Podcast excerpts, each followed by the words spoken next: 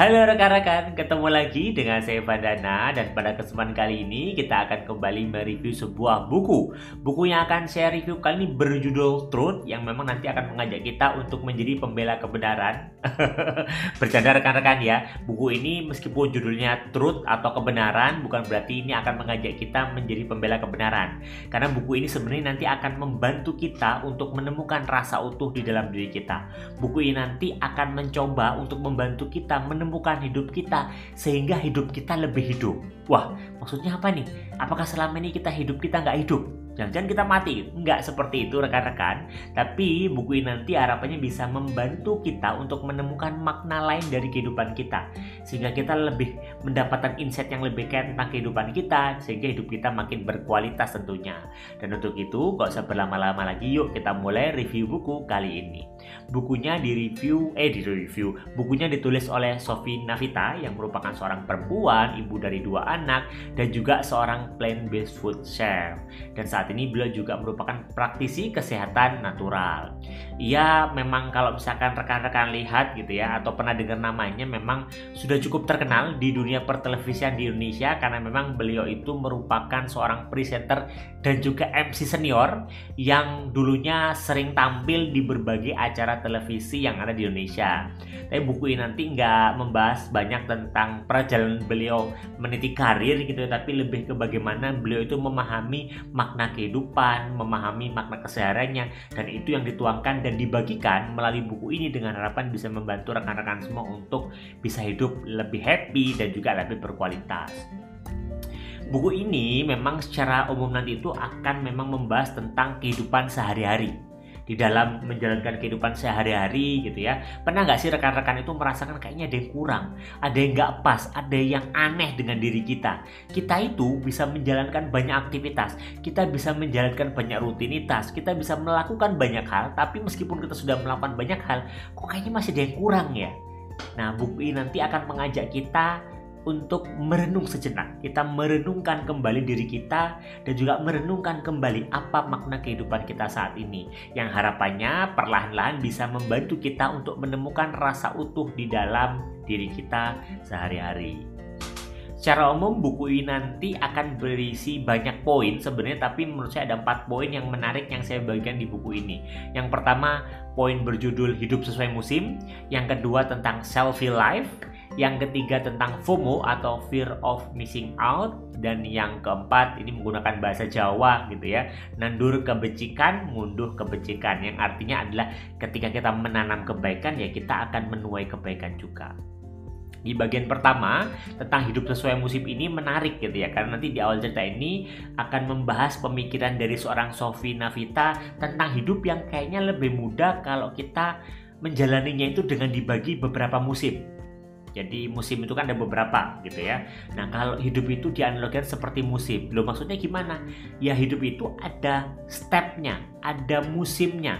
Kalau lagi ada musim kemarau, ada musim uh, hujan, dan musim-musim lainnya. Kalau Indonesia kan hanya musim uh, kemarau, musim panas, musim hujan gitu ya.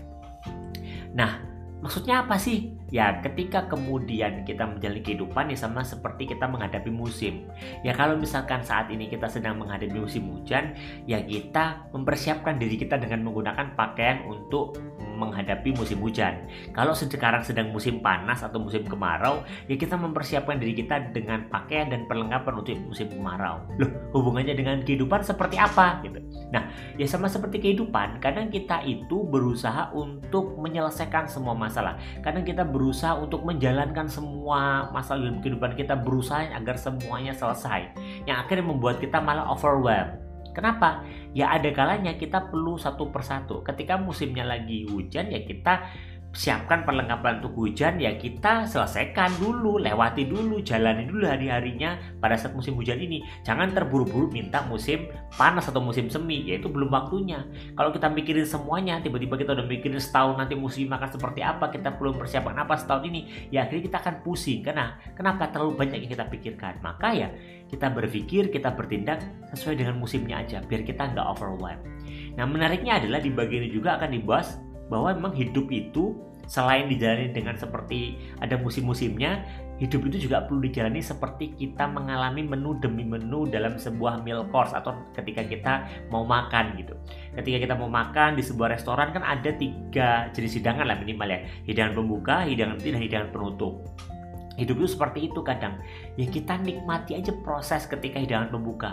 Kita nikmati aja proses ketika kita makan di hidangan inti. Ya, kita nikmati prosesnya di hidangan penutup. Jangan kita serakah, kita pingin akhirnya semuanya langsung. Kita ngerasa hidangan pembuka kan dikit, saya mau kemudian tambah-tambah-tambah. Akhirnya apa? Ya akhirnya kita tambah kita kenyang padahal hidangan intinya belum kita makan tapi kita sudah terlanjur kenyang. Artinya apa? Kita menempatkan gak sesuai dengan porsinya. Maka jalankan sesuatu itu sesuai dengan porsinya aja nggak usah terlalu ngoyo tapi lewati ketika memang sekarang sedang waktunya hidangan membuka ya nikmati aja hidangan pembukanya. Dan jangan berlebihan.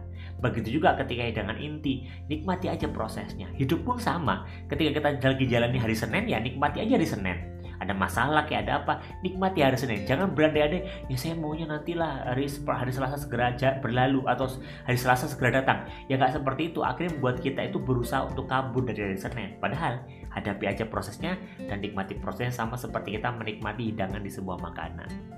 Di bagian kedua buku ini bahas menarik juga menurut saya gitu ya kaitnya dengan The Selfie Life. Nah di The Selfie Life ini dibahas fenomena selfie yang seakan-akan sekarang itu sudah menjadi bagian dari hidup kita perkembangan gadget ya yang awalnya dulu tuh nggak bisa dipakai buat foto tiba-tiba sekarang bisa dibuat foto itu akhirnya membuat kita itu merasa hidupnya itu jadi kayak individual kadang kita itu kalau lagi kumpul sama temen ya akhirnya sibuk dengan HP kita sendiri, gadget kita sendiri, kita sibuk dengan selfie-selfie kita sendiri gitu ya. Seakan-akan kita nggak butuh orang lain, kita hanya butuh handphone kita.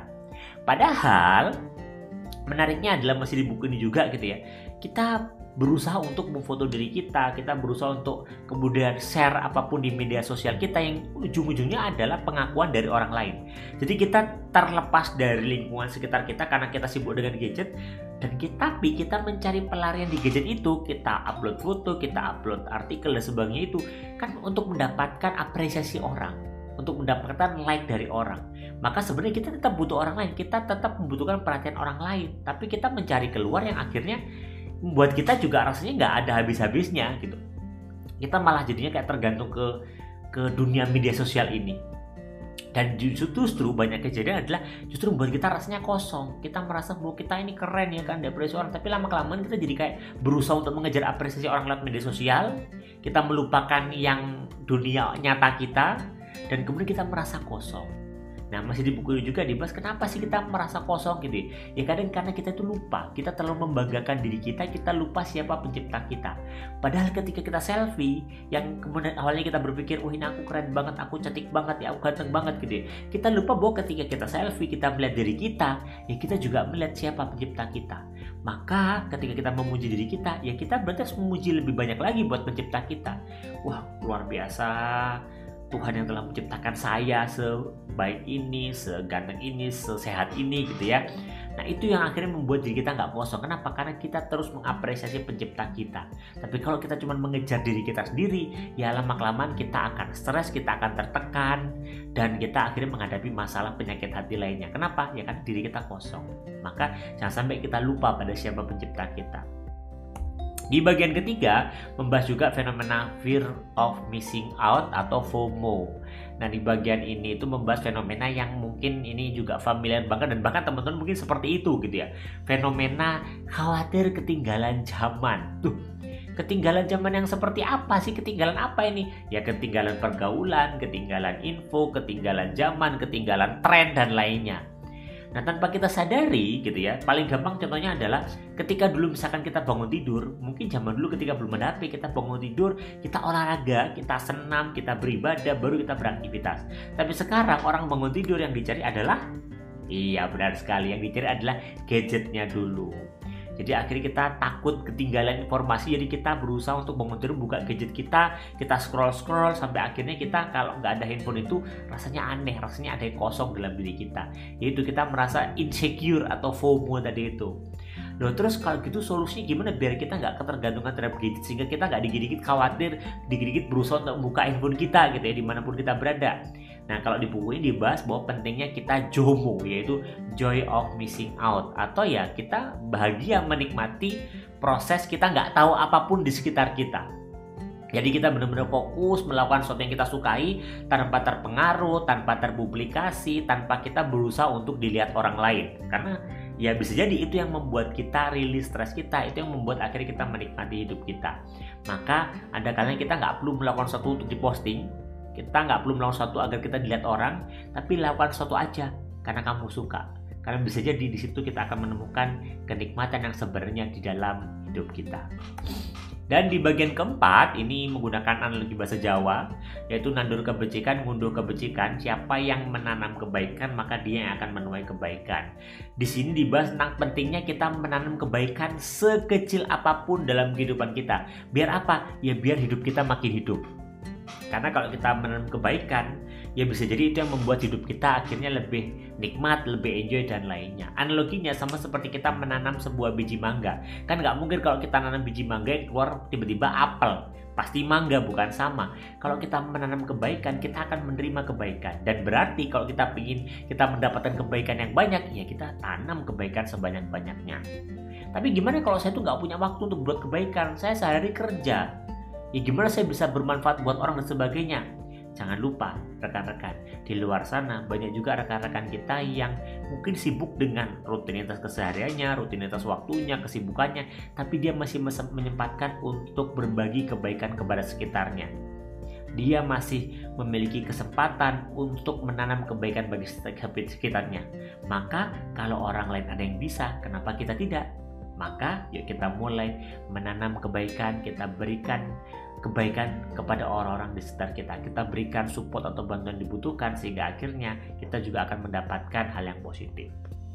Kesimpulannya adalah kalau rekan-rekan saat ini sebagai pembaca masih sering merasa galau, risau, khawatir atas kehidupan, maka bisa jadi buku ini itu akan coba menjawabnya dengan pembahasan yang ringan, pembahasan yang mudah dicerna, menggunakan analogi-analogi, buku ini akan bisa tepat untuk membantu kita untuk merenungkan kehidupan kita dan juga membantu kita untuk melihat sisi lain kehidupan kita sehingga kita itu hidup kita rasanya lebih utuh dan kita makin hidup. Kenapa? Karena kita bersyukur atas apa pun yang terjadi di dalam diri kita di bagi rekan-rekan yang ingin dapat insight tentang gimana caranya kita bisa membangun kehidupan yang berkualitas, apa aja yang perlu kita lakukan biar hidup kita berkualitas, maka bisa jadi buku Truth ini menjadi salah satu jawabannya. Silahkan dicari di toko-toko buku terdekat.